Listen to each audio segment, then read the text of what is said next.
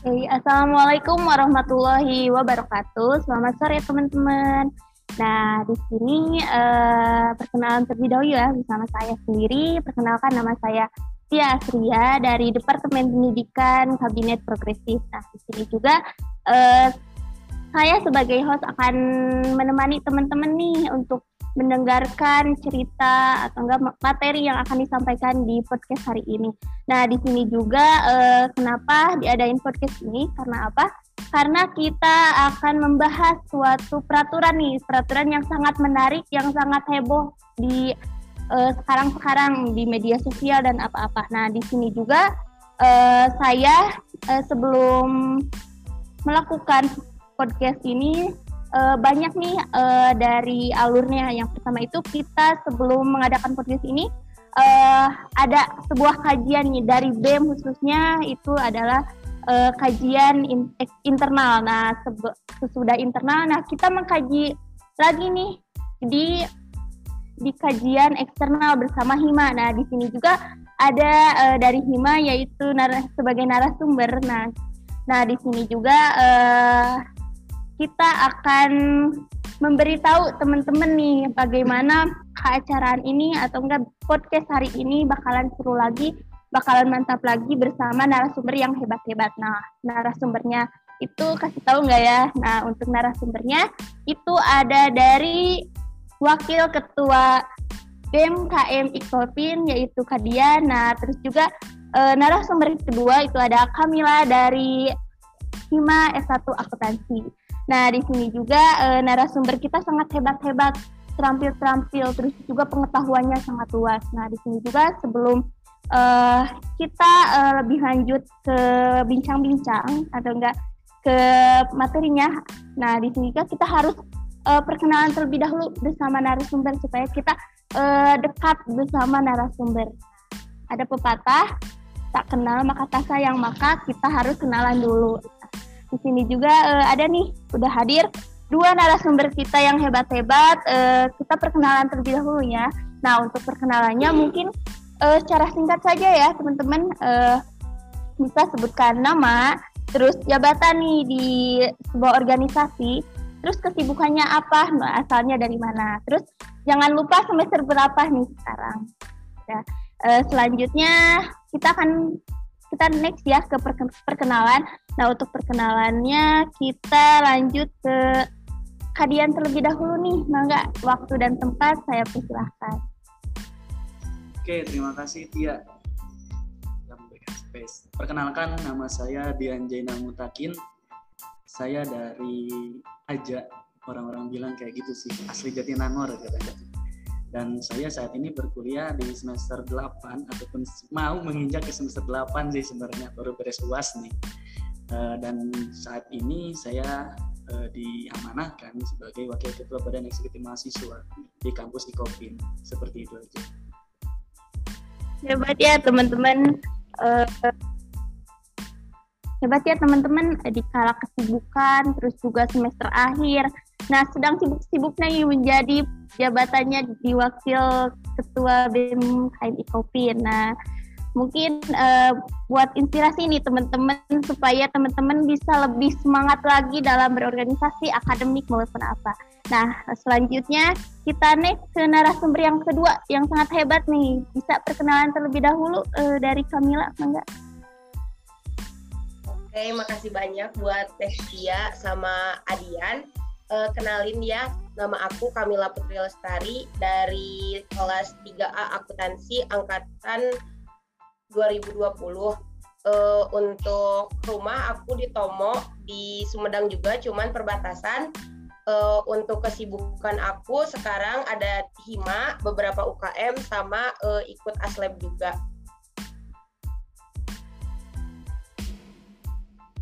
Wah, sangat hebat ya teman-teman. E, dari semester 3 aja udah sangat sibuk ya menjadi asisten dosen nih.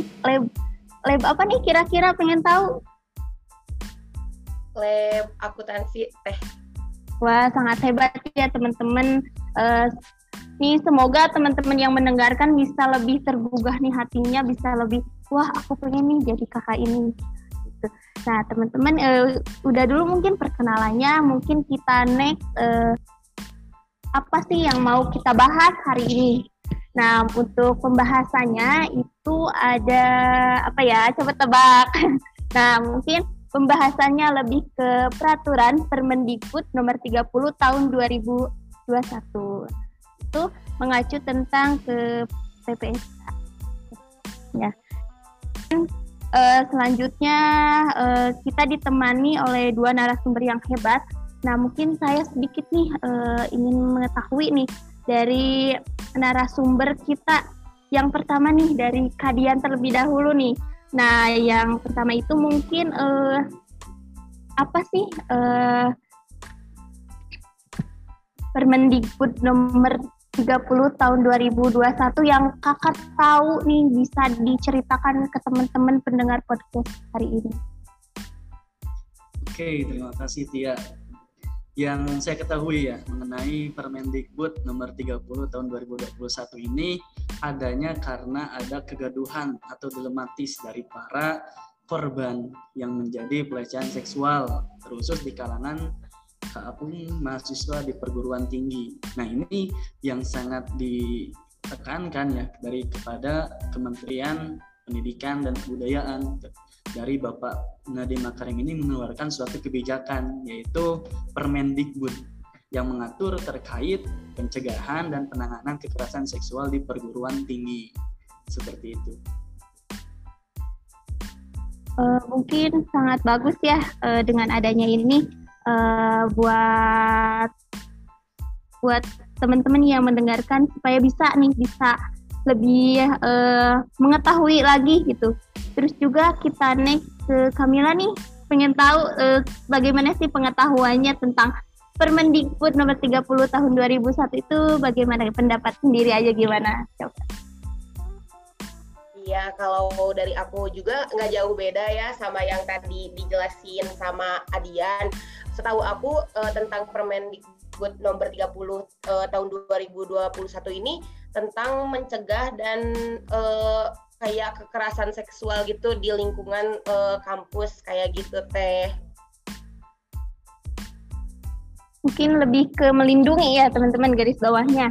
Nah mungkin uh, mau nanya nih ke kakak Kamila nih. Nah mungkin uh, apa sih harapannya setelah adanya Permendikbud disahkan serta uh, mau dijalankan nih sama sama kementeriannya agar kita bisa melindungi nih uh, apa sih harapannya ke depannya adanya Permendikbud ini?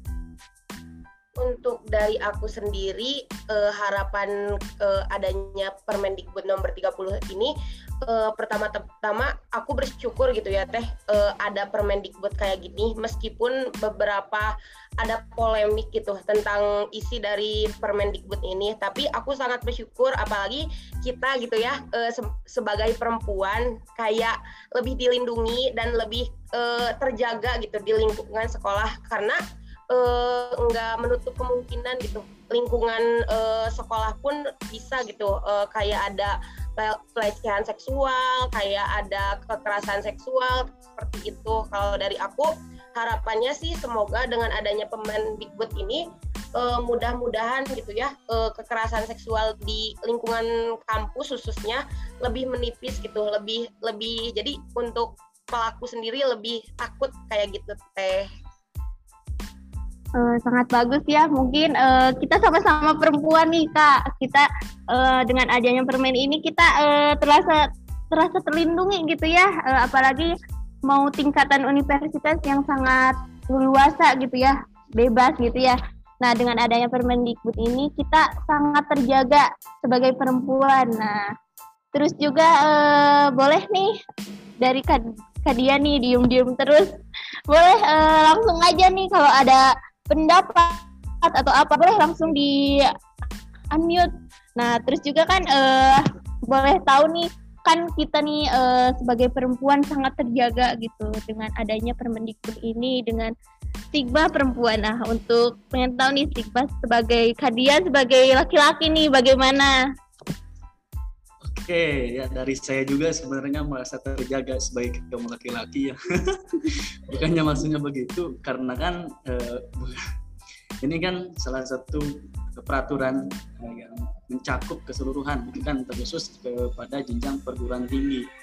Nah ini justru sangat uh, melindungi gitu kan terhadap hak-hak daripada perempuan tersebut dan juga untuk kaum laki-laki juga sebenarnya berbahagia sih sebenarnya atas adanya peraturan seperti ini untuk apa? Karena kita ini membutuhkan payung hukum yang jelas. Kita ini membutuhkan payung hukum yang bisa benar-benar komprehensif. Dikarenakan apa? Sebelum-sebelumnya gak ada peraturan yang mengkhususkan terkait uh, pelecehan seksual yang terkhususnya di perguruan tinggi kali ini. Soalnya kalaupun misalkan kita melihat gitu kan pas waktu 2021 aja kan sekarang udah waktu tahun 2022 ya. 2021 aja tingkat kekerasan seksual menurut uh, nanti Makarim menjelaskan bahwasannya ada 2.500 kasus pelecehan seksual dan juga salah satunya yang ada di perguruan tinggi terusus di kampus-kampus yang berada di eh, Indonesia khususnya gitu kan banyak sekali pelecehan seksual yang terjadi dengan tingkat 27% peningkatan pada tahun 2020 bayangin ya teman-teman di sini mungkin nggak kedengeran ya pelecehan seksual yang terjadinya tuh di mana aja. Tapi teman-teman kita di luar sana terus sama-sama mahasiswa sama-sama sedang mengemban ilmu untuk uh, masa depannya terjadilah adanya korban-korban seperti itu kan kita juga nggak enak gitu kan. Saya selaku laki-laki juga gak enak gitu kan. Melihat banyak sekali korban-korban yang berjatuhan karena uh, adanya kalau misalkan bisa disebut predator kampus itu disebutnya. Nah sangat bagus ya teman-teman di, sisi lain nih perempuan sangat terjaga. Nah di sisi lain juga sebagai laki-laki sangat terjaga sekali gitu dengan adanya Permendikbud ini.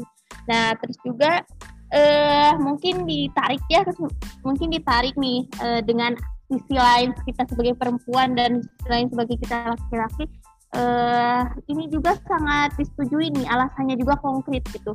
Nah mungkin di sini juga teman-teman uh, juga harus mengetahui lebih dalam lagi nih tentang peraturan Permendikbud nomor 321 itu adanya sebuah kejanggalan, adanya sebuah kegelisahan gitu yang menyangkut uh, banyaknya banyaknya stigma negatif dan positif terhadap mahasiswa kepada peraturan ini. Nah, apalagi di adanya di BMSI yang mengeluarkan uh, dari pasal 5 nih yang banyak uh, ditantang terus juga banyak diminta revisi kembali nih oleh mahasiswa-mahasiswa supaya lebih uh, kumulatif atau enggak lebih jelas nih. Uh, nah mungkin uh, narasumber kita bisa nih menjawab hal itu. Nah mungkin uh, boleh nih uh, pandangan atau stigma teman-teman dari narasumber kita uh, dari Kadian terlebih dahulu. Oke, okay mendengar bahwasannya banyak sekali stigma-stigma mengenai Permendikbud nomor 30 tahun 2021 ini terutama di pasal 5 baik itu di poin 2 dan seterusnya gitu kan. Dan ini menyebabkan uh, banyak sekali paradigma-paradigma lain juga muncul gitu kan. Yang saya ketahui bahwasannya banyak sekali paradigma yang muncul dikarenakan ada salah satu perasa yang menyebutkan bahwasannya korban ini akan e, ditindaklanjuti ataupun ada beberapa pelanggaran bila mana tan ada persetujuan dari korban. Nah ini tindak lanjutnya akan ada bila mana ada persetujuan dari korban gitu kan. Nah itu sih yang jadi perasaan yang jadi paradigma luasnya gitu kan tanpa ada persetujuan korban. Tiga kata tersebut mengundang banyak sekali perdebatan gitu kan, terusus di kaum misalkan di kalangan para ulama, yang terusus di dunia religi gitu kan, eh, dunia eh, keagamaan banyak sekali yang memperdebatkan hal tersebut dikarenakan perasa ini mengandung uh, makna luas gitu kan atau mengandung makna yang tidak secara mendetail gitu kan. Bila mana ada suatu pelecehan tapi itu disetujui oleh korban, nah ini yang jadi pertanyaan dan juga bila mana pelecehan tanpa persetujuan korban ini juga jadi pertanyaan gitu kan. Nah yang seharusnya gitu kan yang saya harapkan e, dari perasa-perasa tersebut yang masih multitafsir ini dapat dibenarkan kembali ataupun dapat direvisi kembali gitu kan. Banyak sekali kalangan-kalangan yang berpendapat harusnya ada revisi terkait perasa tanpa ada persetujuan korban tersebut ini menguatkan juga gitu kan terhadap beberapa uh, kalangan. Dan juga mungkin dari uh, kementerian terusus Kementerian Pendidikan dan Kebudayaan Pendidikan tapi memiliki maksud dan tujuan tertentu dikarenakan yang saya ketahui gitu kan ada dua tindakan. Yang pertama pelecehan seksual yang kedua tindakan asusila. Nah ini sama-sama sama-sama dicegah seharusnya sama-sama uh, dicegah sama-sama dilarang juga. Seperti itu. Sangat benar ya uh, buat pendengar nih podcast. Nah buat adanya nih uh, dari pasal 5 ayat 1 nih yang mengungkapkan uh, bahwanya ada pendapat-pendapat lain yang uh, adanya terus juga ada pertentangan dari agama yang lain. Mungkin kita next nih ke menggali pengetahuan lebih lanjut lagi ke narasumber yang kedua kita yang hebat. Nah, boleh nih dari Kak Kamila boleh eh, mengungkapkan pendapatnya. Boleh, Mangga? Iya, Teh. Uh, makasih. Iya, mungkin sama ya, nggak jauh berbeda sama yang diobrolin sama Kadian tadi tentang di pasal 5 itu di ayat 2 eh, di huruf kalau nggak salah di FGH tentang uh, tanpa persetujuan korban. Apalagi kan maksudnya di sini uh, kayak kita tuh ber beragama gitu khususnya pasti semua agama juga melarang gitu apalagi yang uh, kan berarti di sini maksudnya tuh kayak kalau suka sama suka nggak apa-apa. Sedangkan di agama kita sendiri e, dilarang gitu. Walau suka sama suka soalnya masuknya ke jina gitu. Jadi dengan adanya kata e, kata-kata ini e, jadi me, mem, membuat gitu beberapa e, beberapa apa sih namanya teh? Beberapa kayak uh, anggapan kayak oh mungkin kalau suka sama suka mah nggak apa-apa gitu nggak akan ditindaklanjuti ditakutkan ditakutkannya seperti itu. Tapi kan uh, balik lagi kadang uh, perempuan itu suka kalau itu di, suka dipaksa ya takutnya ada di, ditanya uh, dipaksa tapi si pihak cowoknya bilang suka sama suka terus nggak bisa nih sama uh, permen ini. Soalnya kan di sini harus tanpa persetujuan tapi kalau misalnya uh, si ceweknya setuju berarti nggak akan ditindaklanjuti. Takutnya kayak gitu. Iya bener. Ya takutnya ada yang menyalahgunakan ya per, uh, diksi dari permen permen ini. Nah mungkin uh, mau nanya nih kan adanya pertentangan dalam pasal 5 ayat 1. Nah uh, boleh nih tahu dari narasumber kita bagaimana sih solusi yang tepat bagi mengatasi uh, kegaduhan ini nih dari pasal ini. Boleh nih dari Kamila terlebih dahulu. Oke, menurut aku sih uh, uh, sebenarnya uh, buat Permendikbud ini uh, sebaiknya dikaji ulang ya kayak buat diperbaiki gitu beberapa kata-kata yang uh, multitafsir kayak gitu. Soalnya jika terus-terusan kayak gini nggak ada perubahan ditakutkan uh, yang tadi uh, Katia bilang ditakutkan uh, si pihak uh, pelaku tuh kayak lebih nggak terlalu takut kayak gitu. Soalnya uh, sudah jelas gitu apalagi kan kalau misalnya cuman anggapan misalnya nggak apa-apa kok tapi tafsirannya sebenarnya kayak gini kayak gini kayak gini. Uh, tapi kan harus ada hitam di atas putihnya gitu biar lebih jelas gitu. Kalau hanya lewat obrolan saja takutnya uh, balik lagi takutnya di di apa dipermudah gitu buat pelakunya. Jadi tetap tetap bisa tetap uh, boleh kayak gitu mungkin uh, untuk garis bawahnya harus dikaji ulang lagi ini ya solusinya.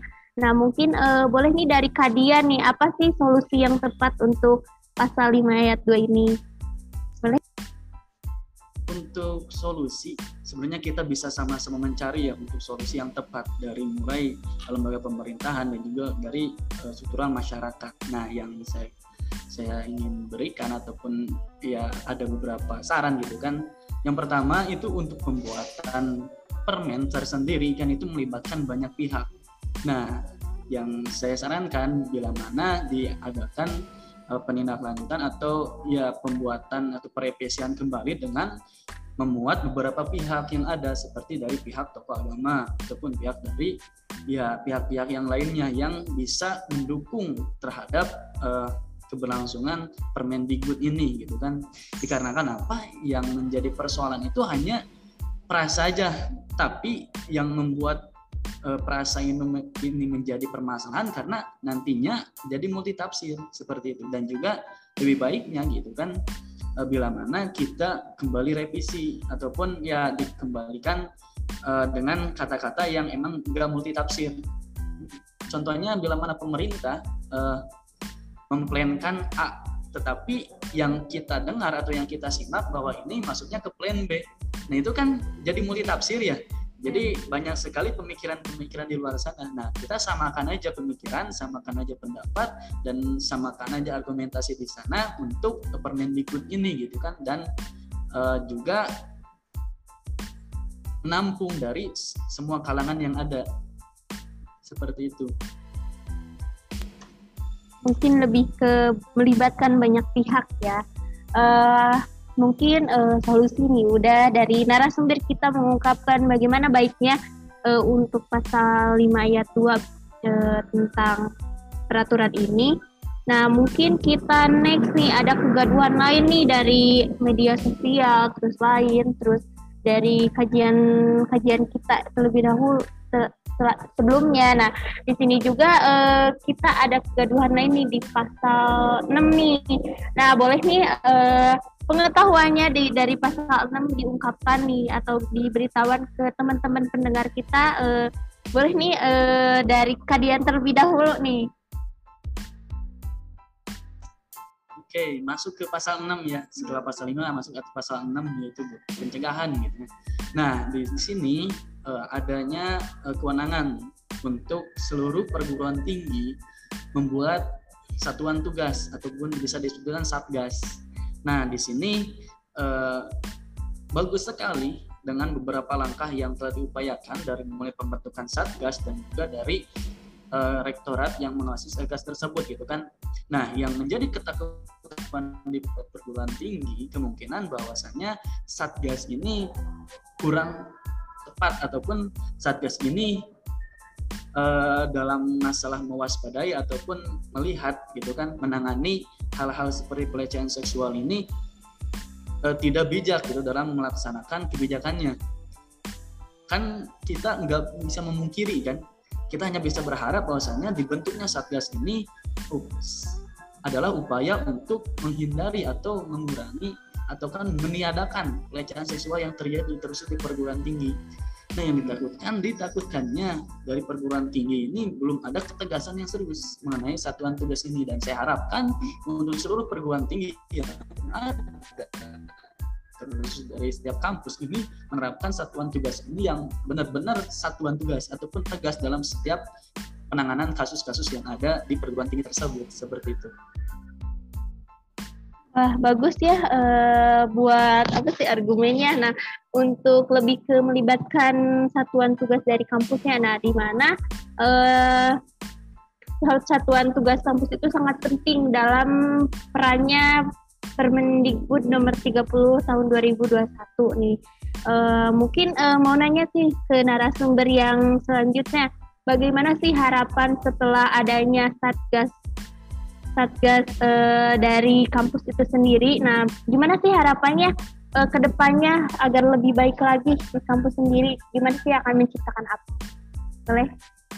Oke, uh, harapan aku uh, saat adanya satgas ya, di, apalagi di lingkungan kampus, mudah-mudahan untuk kayak uh, pelaku atau misalnya korban, uh, khususnya korban sih teh, kayak ada wadah ada tempat buat uh, ngobrol gitu apalagi kan uh, tentang kayak pelecehan seksual itu kayak masih tabu ya teh kayak kalaupun misalnya jadi korban kita itu kayak tetap dipandang kayak gimana gitu. Nah, uh, mudah-mudahan dengan adanya satgas ini bisa kayak uh, si korban itu bisa mencurahkan gitu. Jadi nggak takut lagi buat ngomong, buat nggak nggak takut lagi buat speak up uh, tentang uh, kejadian yang dia alami kayak gitu teh takutnya ya saat uh, ada kalau misalnya nggak ada satgas atau nggak ada uh, yang khusus gitu menangani tentang pelecehan seksual ini takutnya korban tuh jadi bingung mau ke mana gitu mau mau cerita ke, ke siapa gitu apalagi uh, tentang kayak gini gitu kayak yang masih tabu gitu iya yeah. dan diharapkan juga ya Mil untuk perguruan tinggi perguruan tinggi yang terus ada di lingkungan sekitar kita mengupayakan agar cepat-cepat mendirikan satuan tugas ya khusus untuk penanganan pelecehan seksual ini karena kan wah banyak sekali ya beberapa kasus-kasus tersebut yang masih mencuat Nah, mungkin benar ya teman-teman nih pendengar Bima Podcast hari ini. Nah, mungkin uh, sebagai peranan nih, peranan uh, dari narasumber ini yang harapannya gitu ke depannya adanya tuan tugas dari kampus ini bisa lebih baik lagi. Nah mungkin uh, saya pribadi sendiri ingin mengajak nih teman-teman dari khususnya nih dari kampus Ikopin sendiri agar lebih lebih aware lagi terhadap permen ini supaya uh, kampus kita sehat dalam kasus seperti ini.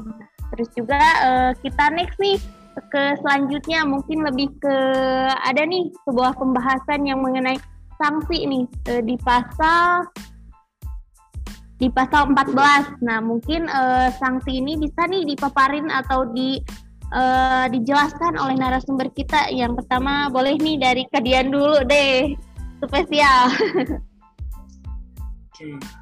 Karena adanya suatu tindakan yang melanggar hukum, otomatis harus ada sanksi yang benar-benar berat, itu kan, ataupun yang membuat efek jerah dari para pelaku pelecehan tersebut. Nah ini juga di Kementerian ya di Permendikbud nomor 30 tahun 2021 ini menjelaskan terkait sanksi administratif yang ada untuk setiap pelanggaran-pelanggaran yang terjadi khusus di kalangan perguruan tinggi. Nah, di sini juga ada tiga kategori. Yang pertama ada sanksi administratif ringan, yang kedua ada sanksi administratif sedang, yang ketiga ada sanksi administratif berat. Nah, di mana eh, sanksi-sanksi tersebut menangani terhadap pelaku pelecehan seksual. Nah, yang saya ingin tekankan, bila mana kita nih, misalkan Mila aja lah, ya, terjadi pelecehan seksual yang kepada Mila. Nah, Mila harapannya mau berat langsung atau ringan dulu gitu kan, walaupun ini disebutnya kategori ringan gitu kan, gimana coba? Iya, uh, untuk sanksi ini emang agak kayak uh, menurut aku ya, kayak gimana gitu. Soalnya ya uh, kayak ada level-levelnya sedangkan kan kita nggak tahu ya sanksi ringan itu untuk pelecehan seperti apa, untuk uh, yang sedang itu seperti apa, dan berat itu seperti apa. Dan untuk misalnya ada pelecehan kan sudah dijelaskan di pasal 2 itu misalnya uh, tidak boleh memegang. Uh, nah, apakah ini memegang ini udah masuk misalnya keringan, sedangkan kan semuanya juga diawali gitu itu ada awal sama ada akhir. Masa harus ada ringan dulu sedang dulu berat dulu? Harusnya mah langsung gitu. Langsung satu tindakan satu sanksi. Jadi si pelaku tuh nggak ada pemikiran kayak ah dah aku mah cuman sanksi ringan. Misalnya cuman uh, dapat uh, uh, scores dari kampus gitu. Nanti juga uh, cuma satu minggu nanti juga udah satu minggu uh, bakalan hilang uh, beritanya terus aku bisa sekolah lagi jangan sampai kayak gitu gitu. Harusnya uh, saat ada kejadian walaupun mau misalnya itu cuman kayak mau percobaan aja harusnya harus udah ditindaklanjuti uh, ke menurut aku udah kayak langsung ke berat aja gitu. Jangan sampai ada level-level kayak gini. Soalnya kalau ada level-level kayak gini kayak ke pelakunya ditakutkannya kayak uh, memperbundah gitu. Kayak gak apa-apa ah. Kayak gitu. Soalnya aku baca juga ya kayak untuk administrasi ringan kayak gitu uh, scoring kayak gitu cuman kayak gitu. Sedangkan kan kalau misalnya udah ada satu kali kemungkinan kemungkinan bakalan terus terus terus kayak gitu. Menurut aku kayak gitu sih. Nah, mungkin eh, sangat bagus ya pemaparan dari narasumber kita Kamila. Mungkin kita dengarkan lagi nih dari Kadian mungkin. Uh, boleh? Oke, sebenarnya masih nyambung ya dengan sanksi administratif yang ada di Permendikbud ini. Saya sangat setuju sekali terhadap sanksi administratif yang ditegakkan khusus di Permendikbud. Nah, yang tadi uh, sempat disebutkan bahwasanya kalaupun misalkan pelaku membuat suatu kesalahan nih, kesalahan yang bisa dikatakan eh, kesalahan itu bisa dikatakan ke kesalahan ringan. Tapi ini kembalikan lagi kepada satuan tugas yang dibuat di kampus tersebut.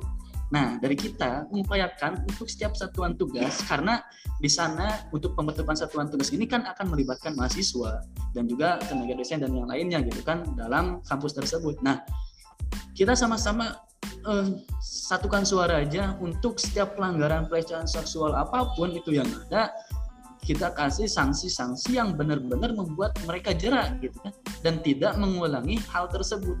Malahan uh, sempat disebutkan juga uh, beberapa poin bahwasannya bila mana uh, sanksi tersebut atau sanksi administrasi berat ini nantinya bisa masuk ke tindak pidana ataupun nantinya bisa orang-orang yang melakukan pelecehan seksual ini masuk penjara dikarenakan dengan persetujuan-persetujuan yang dibuat gitu kan. Kan kita daripada mahasiswa menyetujui tentang adanya satgas dan juga menyetujui tentang aturan-aturan yang ada di satgas tersebut.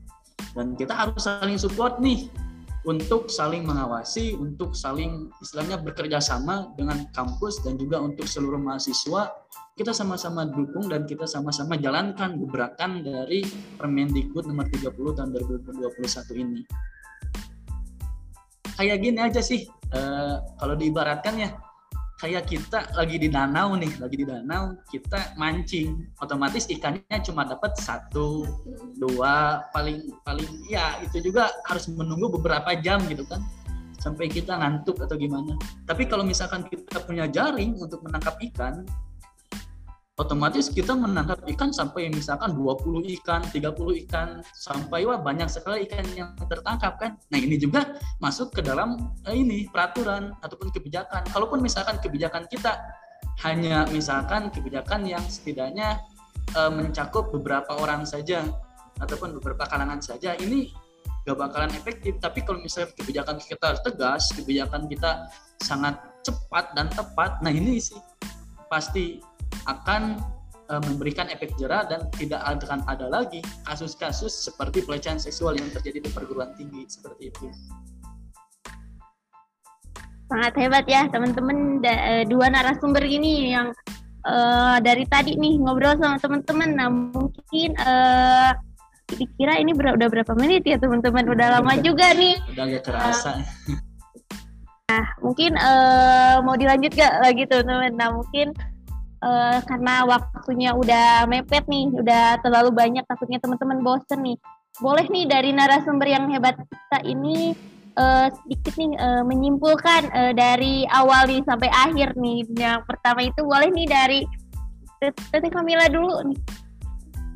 Untuk kesimpulannya mungkin untuk permen uh, tentang adanya Permendikbud nomor 30 tahun 2021 ini alhamdulillah ya untuk sangat baik gitu. Ta tetapi ada beberapa pasal yang uh, uh, penuh kontroversi kayak gitu kayak pasal-pasal uh, yang uh, lumayan uh, kita uh, harus tindak lanjuti kayak gitu. Menurut aku mudah-mudahan dengan ada pasal uh, dengan adanya permen ini uh, uh, kekerasan seksual khususnya di lingkungan kampus semakin menipis dan semakin enggak ada. Terus dengan adanya satgas juga mudah-mudahan uh, semuanya kita apalagi perempuan merasa aman gitu di lingkungan kampus kayak gitu.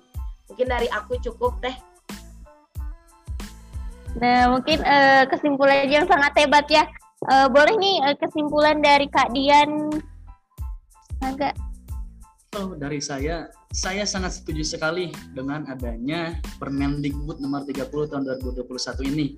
Dikarenakan ini sangat mewadahi para keluh kesah ataupun aspirasi-aspirasi dari para mahasiswa yang menjadi korban atas pelecehan seksual yang ada gitu kan. Dan juga menurut saya pasal-pasal yang tadi sempat disebutkan kalau bila perlu direvisi dan juga di upgrade kembali gitu kan terkait Permendikbud nomor 30 tahun 2021 ini agar setiap kalangan dapat menerima setiap kalangan dapat uh, mendukung Permen nomor 30 ini. Dan juga uh, gini sih menurut saya kampus yang baik itu adalah kampus yang terbuka dengan keluh kesah mahasiswanya dan juga menindaklanjuti apa yang menjadi keluh kesah mahasiswanya. Bukan kampus yang menutup-nutupi. Banyak sekali kampus yang menutup-nutupi kan, kampus yang menutup-nutupi uh, kesalahan ataupun menutup-nutupi karena dia nggak pengen citranya jelek di kalangan masyarakat ataupun di kalangan luar. Dan menurut saya itu adalah kampus yang bagus menurut saya kampus yang melindungi hak-hak dari para mahasiswanya seperti itu. Dan juga saling mendukung. Dukungan di sini bukan hanya dari mahasiswa ataupun bukan cuma dari dosen dan juga bukan cuma dari uh, pekerja daripada kampus tersebut. Dari pada seluruh sivitas akademika yang ada untuk setiap kebijakan. Karena gini sih kebijakan itu dilahirkan atas adanya gebrakan ataupun atas adanya keluh dari siapa pun gitu kan. Dan siapa pelaksana kebijakan tersebut? Kita semua kita semua selaku orang yang berada di perguruan tinggi. Seperti itu. Sangat hebat ya teman-teman. Kesimpulan dari kedua narasumber kita eh, dari Kadian dari Kamila itu sangat uh, menarik sekali. Nah mungkin uh, bisa ditarik nih uh, benang merahnya. Mungkin uh, dari kedua narasumber kita sangat setuju dengan adanya permen peraturan ini yang di mana bisa melindungi nih dari dua pihak nih antara perempuan dan laki-laki. Nah, terus juga dengan adanya pasal-pasal yang pasal 5, pasal 6 dan pasal 13 itu adanya uh, harus dikaji ulang terlebih dahulu nih dikaji lagi terus agar uh, tidak menimbulkan banyaknya stigma-stigma yang luar lagi gitu luas lagi nah mungkin uh, terus juga banyaknya Terus juga ada bagusnya gitu dengan adanya satuan tugas di kampus bisa melindungi mahasiswa-mahasiswa yang uh, belajar terus uh, mengemban ilmu di perguruan tinggi uh, kampus kita supaya kampus kita lebih terjaga dari uh, kasus seperti itu. Nah, mungkin lebih ke sanksi nih mungkin ke pasal 14. Nah, mungkin uh, benar ya adanya sanksi ini kita harus aware terus terus juga kita tidak boleh memilih sedang, berat dan sebagainya. Kita harus dijadikan saksi ini sebagai jeratan si pelaku agar pelakunya lebih uh, lebih tidak tidak mungkin melakukan gitu atau enggak sanksi yang lebih berat lagi terus juga sanksi yang sangat uh, menakutkan gitu ya nah mungkin uh, untuk narasumber ini uh, sangat hebat-hebat ya. Uh, terima kasih untuk narasumber yang sudah menemani saya berbincang di Bima Podcast hari ini. Nah, mungkin uh, boleh nih uh, sepatah dua patah untuk menutup uh, obrolan kita hari ini. Mungkin diawali dari Kamila, mangga.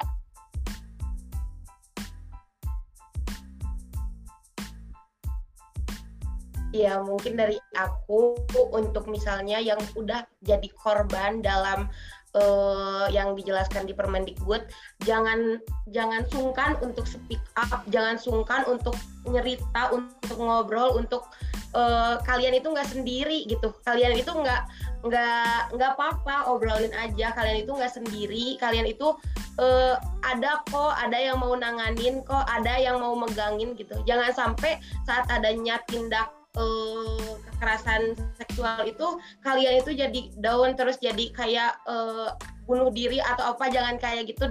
Apalagi dengan ada uh, Permendikbud ini gitu. Uh, harus uh, kalian itu harus tetap semangat kayak gitu. Dan jangan sungkan buat cerita gitu.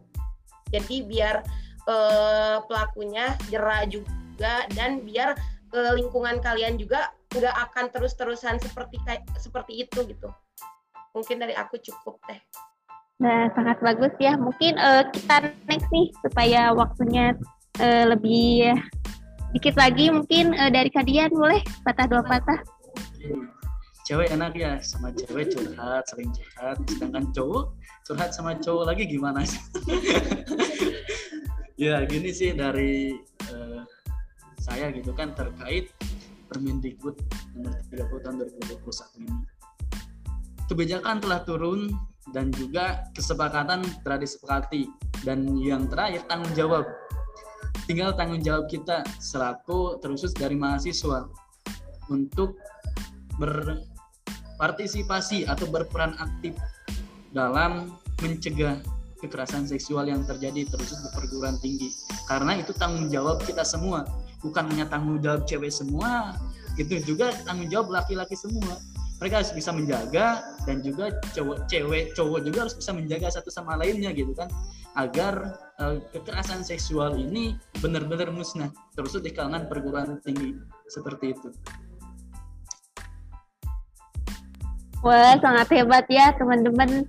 Mungkin uh, harapan saya nih dengan adanya podcast hari ini bisa menambah wawasan nih teman-teman terus juga bisa menambah ilmu teman-teman juga uh, lebih pentingnya bisa mengetahui informasi bahwa adanya uh, peraturan Permendikbud nomor 30 tahun 2021 boleh nih teman-teman bisa mengkaji lagi, membaca lagi supaya teman-teman juga paham ya. Nah, mungkin uh, perbincangan hari ini kita cukupkan ya teman-teman. Mungkin uh, kita udah di penghujung podcast. Nah, mungkin uh, kita uh, banyak berterima kasih kepada narasumber yang hebat-hebat ini atas sudah menemani saya terus bisa menjelaskan kepada pendengar gitu bagaimana adanya adanya peraturan ini. Nah mungkin uh, saya sebagai host uh, undur diri uh, dan saya sangat berterima kasih kembali kepada narasumber kita uh, dan saya titip ke semua pendengar lima podcast ini tetap jaga kesehatan dan uh, pandemi ini belum usai. Terus uh, lima 5M-nya dijaga ya teman-teman. Terus juga uh, dari kita uh, saya hai dulu deh. Biar biar penutupannya santai-santai saja ya mungkin uh, akhir kata dari saya saya selaku host ya Asria mengundurkan diri. Wassalamualaikum warahmatullahi wabarakatuh